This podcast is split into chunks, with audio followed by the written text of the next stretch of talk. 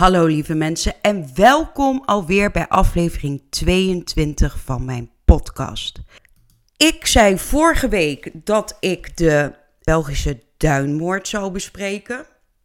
Dat was ook mijn bedoeling, helemaal tot in de puntje voorbereid, maar ineens is die aflevering weg.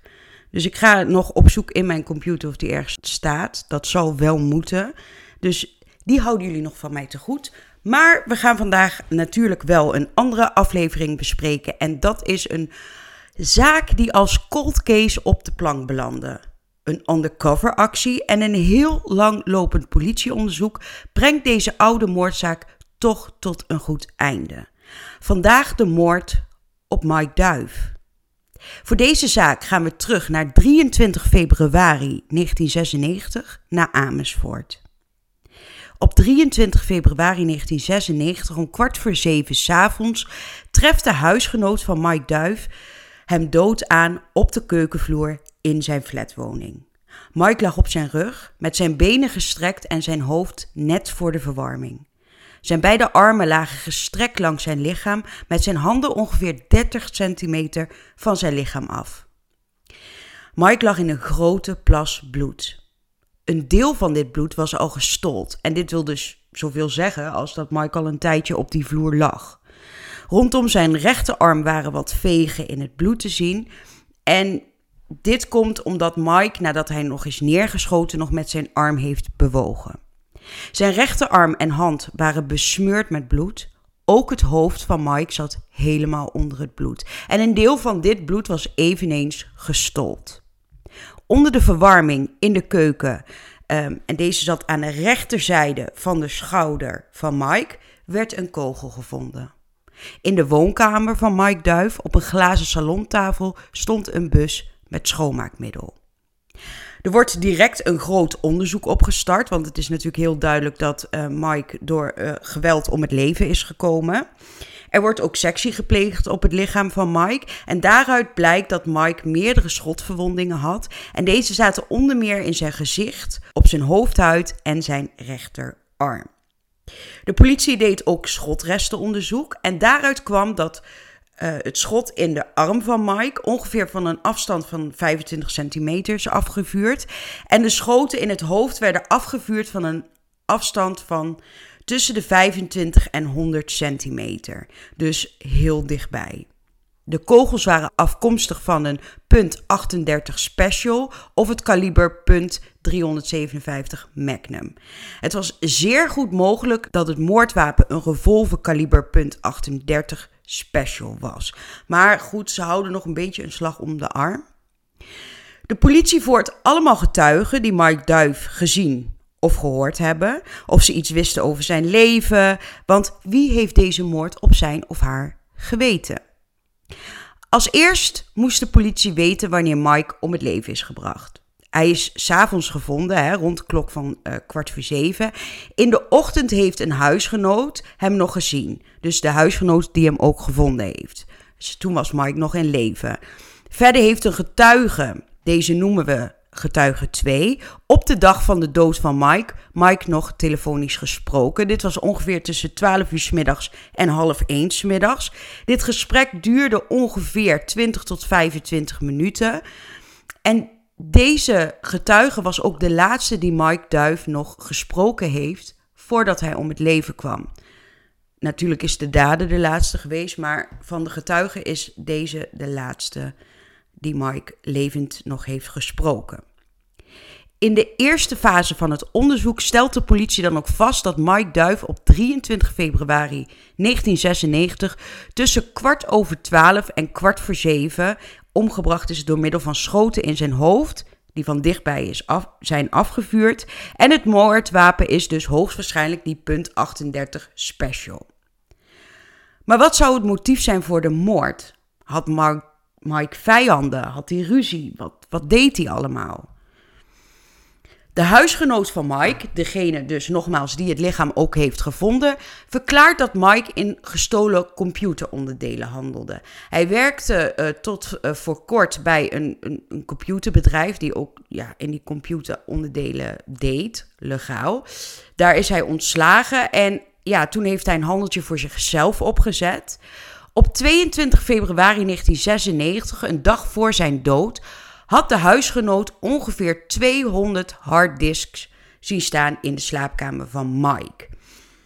En in deze computeronderdelen, en specifiek in 1996, hè, toen was het allemaal nog nieuw en niet iedereen had een computer en dat was helemaal up and running. Dus daar ging ook heel veel geld in om.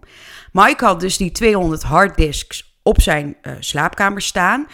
En die dag, een dag voor de moord, om één uur kwam een Belgische man aan de deur. Deze Belg had ook nog twee andere mannen bij zich. En die twee andere mannen laden de harddisks in dozen. En die Belgische man ging met Mike achter aan tafel zitten om af te rekenen. Dat heeft die huisgenoot gezien. De politie spoort die Belgische man op en hij verklaart dat hij inderdaad op 22 februari rond 1 uur, hè, tussen 1 en half 2, uh, samen met twee andere mannen in de woning van Mike Duif was. In de slaapkamer lagen inderdaad die harddisk op, harddisks opgeslagen. En een van die mannen had 160 stuks gekocht met Mike en moest een bedrag van om en nabij 40.000 gulden afrekenen. Een andere getuige verklaart bij de politie, deze getuige noemen we getuige 6, dat hij Mike op deze 22 februari, dus die dag voor die moord, uh, rond de klok van kwart voor vier in de koffieshop heeft gezien. En hij had een uh, heel stapel met bankbiljetten bij zich. Uh, dit waren biljetten van ongeveer 1000 gulden. En aan de stapel te zien schatte deze getuige in dat Mike ongeveer zo'n 30.000 gulden bij zich moest hebben. Zo concludeert de politie ook dat Mike één dag voor zijn dood over een groot geldbedrag in contanten beschikte. Een oom van Mike verklaart verder bij de politie nog dat hij wel eens contant geld voor zijn neefje bewaarde.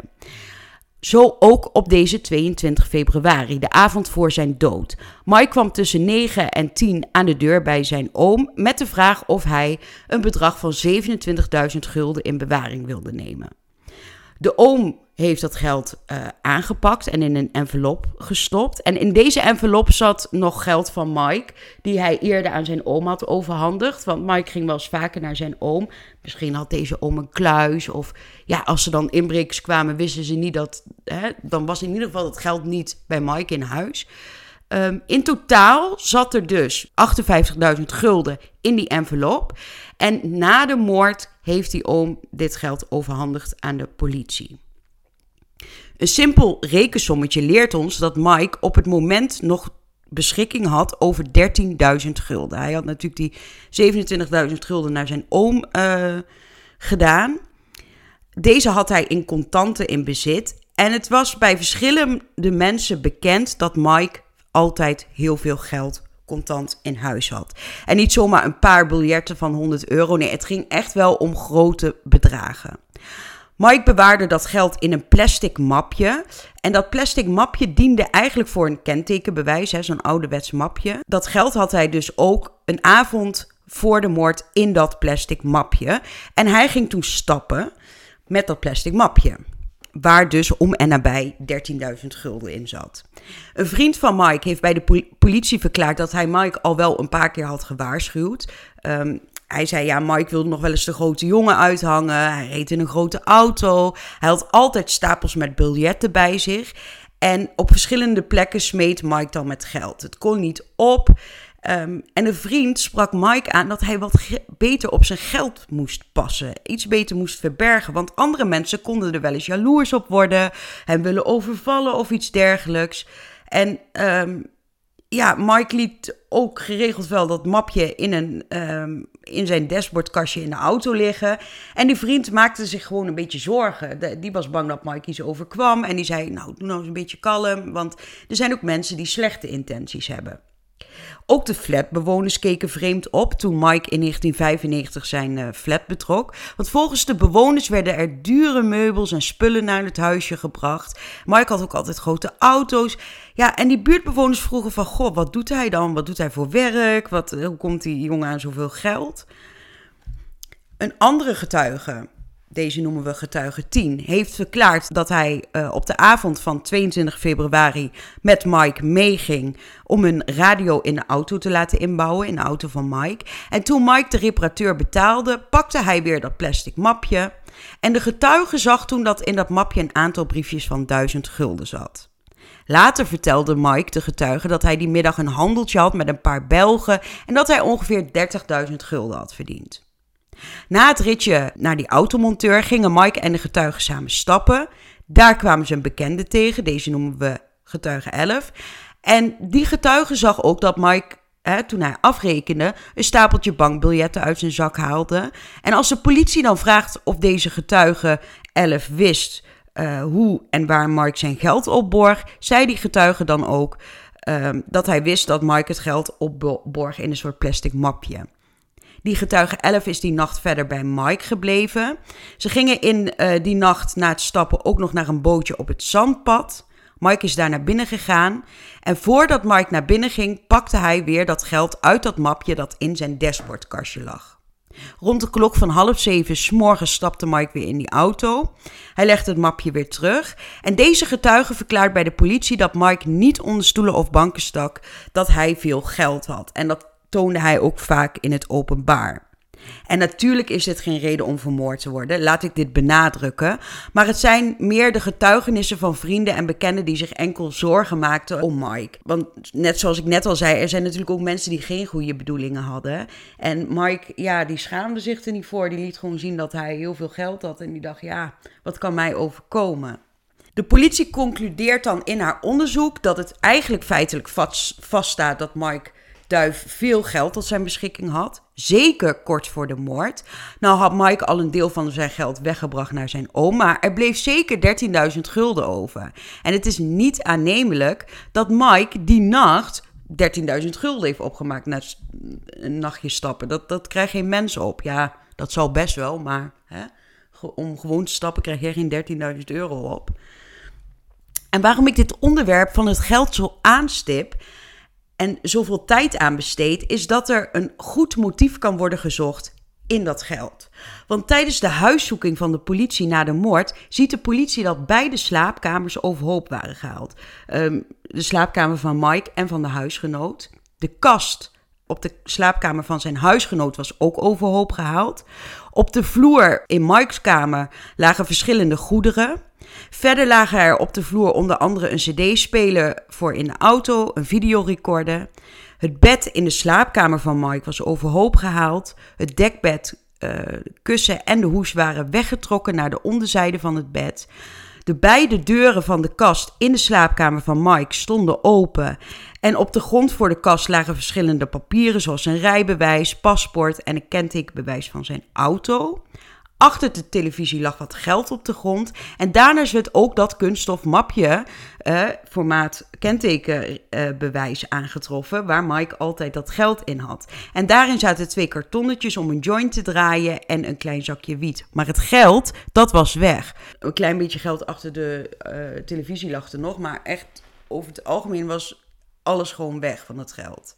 Het mapje waar Mike dus zijn geld in bewaarde was leeg. En daarom is het aannemelijk dat er om en nabij 13.000 gulden is meegenomen uit het huis van Mike. Diegene die het geld had gestolen moest ook de moordenaar van Mike zijn.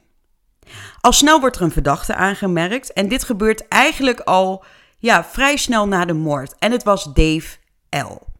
Deze Dave L deed um, in het begin, toen Mike de wereld van de computeronderdelen inkwam voor zichzelf, veel zaken met Mike. Twee jaar voor zijn dood ging de handel van de computeronderdelen van Mike via Dave. Um, Dave was degene met de contacten. En later, toen Mike eenmaal iets langer meedraaide, bouwde hij zelf een netwerk op. En vanaf dat moment was Dave L. niet meer betrokken bij de handel van Mike. Dus ook niet bij die laatste deal met die Belgen. Het viel mensen op dat Mike en El voor de moord veel samen waren. Vooral het laatste half jaar voor de moord zijn die twee samen veel gezien. Maar het was wel zo dat Mike niet heel veel vertrouwen had in Dave L. Want hij vertelde aan een vriendin dat hij het gevoel had dat Dave L, en nu citeer ik, hem onder de duiven probeerde te schieten. Er zijn ook andere getuigen die verklaren dat het lang niet altijd koek en ei was tussen L en Mike. Uh, ze hadden kort voor de moord op 21 februari, dat is om precies te zijn twee dagen voor de moord, een meningsverschil in die koffieshop. Eerder die maand was er ook al hommeles tussen die twee. En het ging zelfs zo ver dat Dave L. een patroon aan een getuige liet zien. En L zei met een lach dat deze voor Mike was bedoeld. En daar bedoel ik patronen voor in een pistool of in een revolver. Het was dus zo dat Dave L. een wapen had. Dit wapen was ook een revolver. Deze droeg hij vaak bij zich, meestal in zijn broeksband. En hij was ook niet bang om hem te gebruiken om mensen te intimideren en te bedreigen. Zo was er een situatie dat Dave L. ruzie had in die koffieshop. Ik denk dat die koffieshop een soort van is, daar komen heel veel mensen en daar gebeurt ook heel veel. Um, maar Dave had dus in die koffieshop ruzie. Um, hij trok toen zijn revolver om de man waarmee hij ruzie had te bedreigen. Hoewel Mike goed geld verdiende, was dit bij Dave L. niet echt het geval. Want op de dag van de moord, op 23 februari, kwam er om 1 minuut over half 12 in de ochtend een deurwaarde aan de deur bij L. En het ging om een dwangbevel van de gemeente Amersfoort van 310 gulden. De partner van L deed de deur open voor de deurwaarde en ze zei dat ze op dat moment niet genoeg geld in huis hadden, maar later die dag konden ze wel betalen. Uit onderzoek van de politie kwam, na dat dwangbevel, dat deze twee, dat deze twee uur later is betaald. Contant. En dit is natuurlijk heel erg opvallend. De politie pakt Dave L. op en zij vragen aan Dave hoe het kwam dat hij twee uur later dat dwangbevel ineens wel kon betalen. En met contant geld. Ik bedoel, als jij, en dat is ook zo in 1996, geld op de bank hebt staan, kun je dat pinnen. Contant is toch wel, dan heb je dat in huis liggen. Want waarom zou je eerst geld bij een pinautomaat afhalen om vervolgens contant te betalen? Dan kun je toch ook pinnen daar, lijkt mij. En ik neem aan dat dat in 1996 ook gewoon zo het geval was. Um, maar goed, hij verklaart, de politie vraagt dus van waarom betaal je dat ineens twee uur later wel, terwijl jouw partner zei we hebben het niet genoeg geld en je betaalt het ook nog eens contant. Dave zegt, wij, ik kon niet betalen, want op dat moment lag ik nog in bed. En um, het geld was er wel, want ik heb altijd contant geld in huis. Deze verklaring is dus in strijd met de partner van Dave. Uh, die zei dus tegen de deurwaarder: er is geen geld. Als de politie dan vraagt aan Dave van waar komt dit geld vandaan? Waar, hè, doe je dat omdat je wel ineens kon betalen? Ja, bleef eigenlijk een goede verklaring van Dave uit. Tijdens het verhoor wordt er ook gevraagd naar het alibi van Dave L. En het gaat specifiek van 1 minuut over half 12 tot en met 1 minuut over half 2. De politie was er om twee redenen erg benieuwd naar het alibi van Dave. Namelijk, mogelijk heeft L wat met de moord op Mike te doen. Om de simpele reden dat getuigen hebben gezien dat de twee de laatste tijd oneenigheid hadden. Eh, hij heeft Mike zelfs bedreigd met kogels. En natuurlijk dat grapje met de deurwaarde. En daarbij komt nog iets. Want na de arrestatie van L heeft de politie zijn huis doorzocht en kwam daar een heel opmerkelijk briefje tegen. Het gaat om een handgeschreven briefje met aantekeningen die betrekking hadden op de activiteiten van 22 en 23 februari. Dus een dag voor de moord en de dag van de moord. Het briefje is geschreven in de ik-vorm en Dave kwam meermaals in dit briefje voor. De strekking van het briefje is wat de schrijfster, want het briefje is afkomstig van de vriendin van uh, Dave L. Dit kwam namelijk uit uh, handschriftonderzoek. En wat L, um, ja, wat, wat, wat die vriendin en wat L de dag voor en op de moord hebben gedaan. Dave L omschrijft zijn alibi precies hetzelfde zoals op dat briefje stond. En ook zijn vriendin beaamte activiteiten als alibi. Maar goed, wat stond er op dit briefje dan? Er stond omstreeks 12 uur de deurwaarde. Daarna heeft Dave zich aangekleed, honden uitgelaten, boodschappen gedaan op het Neptunusplein. Trouwens, El heeft ook toegegeven dat zijn vriendin dit briefje heeft geschreven. De reden waarom zij dit heeft gedaan blijft onduidelijk. Daar verklaart hij niet over. De politie vraagt El dan om een uitgebreide verklaring over zijn alibi. Het ging dan echt om die specifieke tijd van 1 minuut over half 12 tot 1 minuut uh, over half 2. En waarom die 1 minuut over half 2? Dat was de tijd dat hij dat dwangbevel heeft voldaan bij de gemeente Amersfoort. Dus dat hij, in dat hij beschikking had over dat geld. Hij verklaart dat hij zich na het bezoek van de deurwaarde, die om 1 minuut over half 12 aan de deur stond, heeft aangekleed en toen rond de klok van 12 uur de honden heeft uitgelaten. Uh, dit duurde een half uur tot drie kwartier en hij zou tijdens zijn wandeling ook mensen tegengekomen zijn. Uh, en deze heeft hij omschreven. De eerste die hij tegenkwam was een Nederlandse vrouw met een gezet postuur. Ze had een rode winterjas met zwarte schouderstukken en een kleine keeshond. De tweede man was een oudere man met een bril en een baard, grijs haar en een boemerhondje. En de derde man was een bekende die hij was tegengekomen met zijn doberman. Rond 1 uur is Dave naar de koffieshop gegaan. En daarna is hij rond de klok van half twee die boete gaan betalen, of dat, die, die dwangsom gaan betalen bij het stadhuis in Amersfoort. Vervolgens is hij weer teruggegaan naar die koffieshop, waar hij om twee uur is gebeld door zijn partner. En daarna is hij dus boodschappen gaan doen op dat Neptunusplein. In grote lijnen komt dit overeen met het gevonden briefje. De politie doet onderzoek naar de mensen uh, die Dave L. mogelijk zijn tegengekomen tijdens de wandeling met die honden. De bekende verklaart dat hij alleen s'morgens en smiddags uh, zijn hond heeft uitgelaten en dat hij Dave op de 23e niet heeft gezien. De oudere man die Dave L noemt in zijn alibi is ook opgesport, maar hij ontkent dat hij L is tegengekomen, want hij had die dag alleen tussen 9 en 10 zijn hond uitgelaten en om half drie. En de vrouw met het keeshondje zegt dat ze die dag helemaal niet is buiten gekomen omdat ze ziek was en omdat dat haar vriendin um, ja, de hond heeft uitgelaten. Dus het is zo dat het alibi niet bevestigd kon worden. Het briefje met het alibi dat gevonden is, waarschijnlijk al gemaakt om het alibi te onthouden. Het alibi wat Dave L. dus geeft en zijn vriendin is vals. Een getuige heeft verklaard dat Mike uh, op een getuige heeft verklaard dat Mike haar op 23 februari 1996, dus rond de klok van 12 uur, belde. En tijdens dit telefoongesprek vertelde Mike dat de, Dave L. hem heeft wakker gebeld. L zat in, het huis van Mike omdat hij problemen had met zijn vrouw, waarschijnlijk door die deurwaarde. Um, en dat plaatst Dave L. in de woning van Mike kort voor de moord. Daarbij is uit telecomgegevens gebleken dat Dave L. rond 12 uur heeft gebeld naar de coffeeshop. En dit deed hij vanuit het, vanuit het huis van Mike Duif. En hij heeft gebeld omdat de huisgenoot van Mike in die coffeeshop werkte. Zo wist hij of die huisgenoot aan het werk was, ja of nee, en tot hoe laat. En dat Mike alleen thuis was.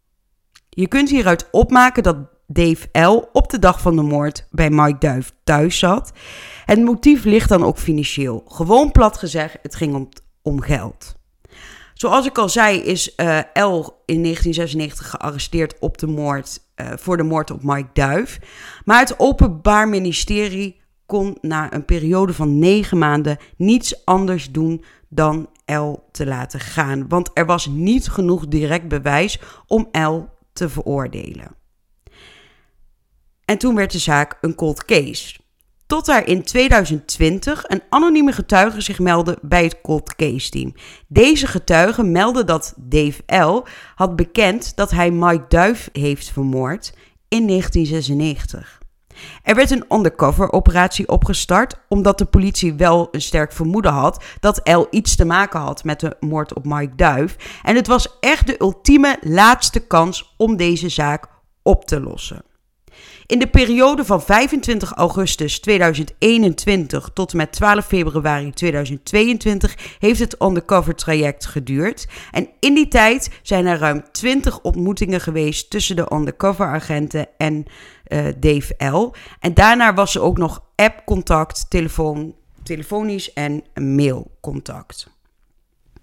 In de periode van 25 augustus tot 14 oktober 2021 vonden er 10 ontmoetingen plaats in de sportschool in Amersfoort. Daar trainde uh, Dave L. En dit contact was erop gericht dat de undercover agent en L een sociale relatie zouden opbouwen.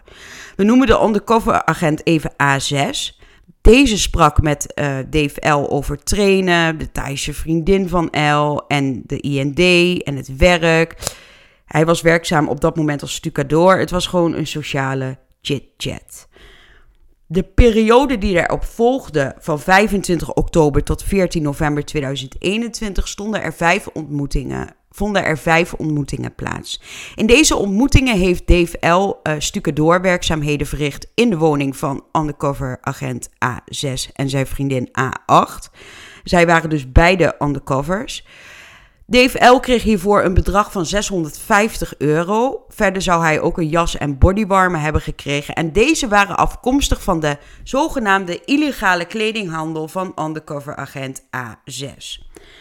Toevallig kreeg A6 tijdens de werkzaamheden die uh, L dus uitvoerde in zijn woning een telefoontje. Dit telefoontje heeft toevallig Dave L gehoord. En dat ging over het ophalen van geld en of daar um, ja, dan iemand mee moest voor de veiligheid. En L ving dat op en hij zei, joh, ik wil wel meerijden. Na het ophalen van die envelop bij undercover agent A7 kreeg L 50 euro voor het meegaan om dat geld op te halen. En tijdens een van deze ontmoetingen is in het geheim DNA van, Dave, van Dave L vastgesteld. Terloops liet L ook nog weten dat hij dit werk vroeger ook wel eens heeft gedaan. Dave L werd voorgehouden dat hij wel uh, mee kon naar een klus in het buitenland. In de periode van 23 november tot en met 9 december 2021 werd er opdracht gegeven aan de undercover agenten om nu echt wel voor het eerst informatie in te winnen over de mogelijke betrokkenheid uh, van uh, de verdachte bij de dood van Mike Duif. En hierom werd El uitgenodigd om mee te gaan op een klus naar het buitenland voor enkele dagen. El kreeg hiervoor 750 euro betaald. De klus stond gepland op 8 en 9 december 2021 en Dave L. ging samen met undercover agent A6 en A7 met de auto op en neer naar Polen. In Polen en in Duitsland vond een ontmoeting plaats waar L getuige van was. Op 8 december 2021 vertelde A6 dat hij iemand had doodgeschoten en dat hij daarvoor 4,5 jaar had vastgezeten. Vervolgens werd er door A6 en A7 besproken dat ze in Bremen de neef van A6 gaan ontmoeten. Die neef had ook toevallig lang gezeten omdat hij iemand had omgelegd. Deze neef was ook een undercover en die noemen we even A2. Op 9 december 2021 werd gesproken uh, over, de, zaken die ze vroeger hadden gedaan. En hierbij noemde Dave L. zelf voor het, voor het eerst de naam van Mike Duif. In de periode van 14 december 2021 tot en met 12 februari 2022 vonden er nog drie ontmoetingen plaats. Hier gingen de gesprekken over investeren in Thailand en het schieten op Mike Duif. We voerden op verzoek van A6 observatieklus uit samen met undercover agent A2. En in de auto vertelde Dave L. uitvoerig en gedetailleerd over het doodschieten van Mike Duif. Uiteindelijk kreeg Dave L. Uh, uiteindelijk, het verhaal komt er zo op neer dat Dave L. Mike gedwongen heeft om op zijn knieën te gaan zitten en hem aan te kijken. En toen schoot L. Mike Duif door het hoofd. Het motief voor de moord was een oneenigheid tussen L en Mike. Maar L vond dat hij ook het recht had op het geld dat Mike verdiende. Verder vertelde Dave L. dat hij de deur heeft schoongemaakt omdat hij niet wilde dat zijn DNA eh, gevonden zou worden. En toen hij eenmaal thuis was, bedacht uh, Dave L. van ja, eigenlijk had ik die deur helemaal niet open hoeven te maken. Want Mike en ik waren vrienden, dus dat mijn DNA daar in huis wordt gevonden, ja, dat is heel normaal. Maar goed, hij was uiteindelijk wel blij dat hij het zekere voor het onzekere had genomen en alles had schoongemaakt. El vertelde ook dat hij een revolver .38 um, heeft gebruikt bij de moord. Precies het moordwapen wat gebruikt was. En Dave L. kon niet weten dat dat moordwapen gebruikt was, bijvoorbeeld uit de media. Dit was echt daderkennis. En ja, wat ik al zei, Dave L. en Mike hadden een oneenigheid tussen elkaar. En L. vond dat hij recht had op het geld. Want hij had um, Mike in dat wereldje gebracht. En hij kon het niet hebben dat Mike op eigen benen is gaan staan. Dan is er ook nog een anonieme bedreigde getuige en deze heeft het volgende verklaard. Ik wil verklaren over de dood van Mike Duif. Die werd vermoord in 1996. Ik heb Dave L. horen zeggen dat hij Mike heeft vermoord en dat ze hem hiervoor niet hebben kunnen pakken. Ik hoorde dat L opschepte over de moord. Ik weet nog dat L de achternaam noemde van Mike, dus duif.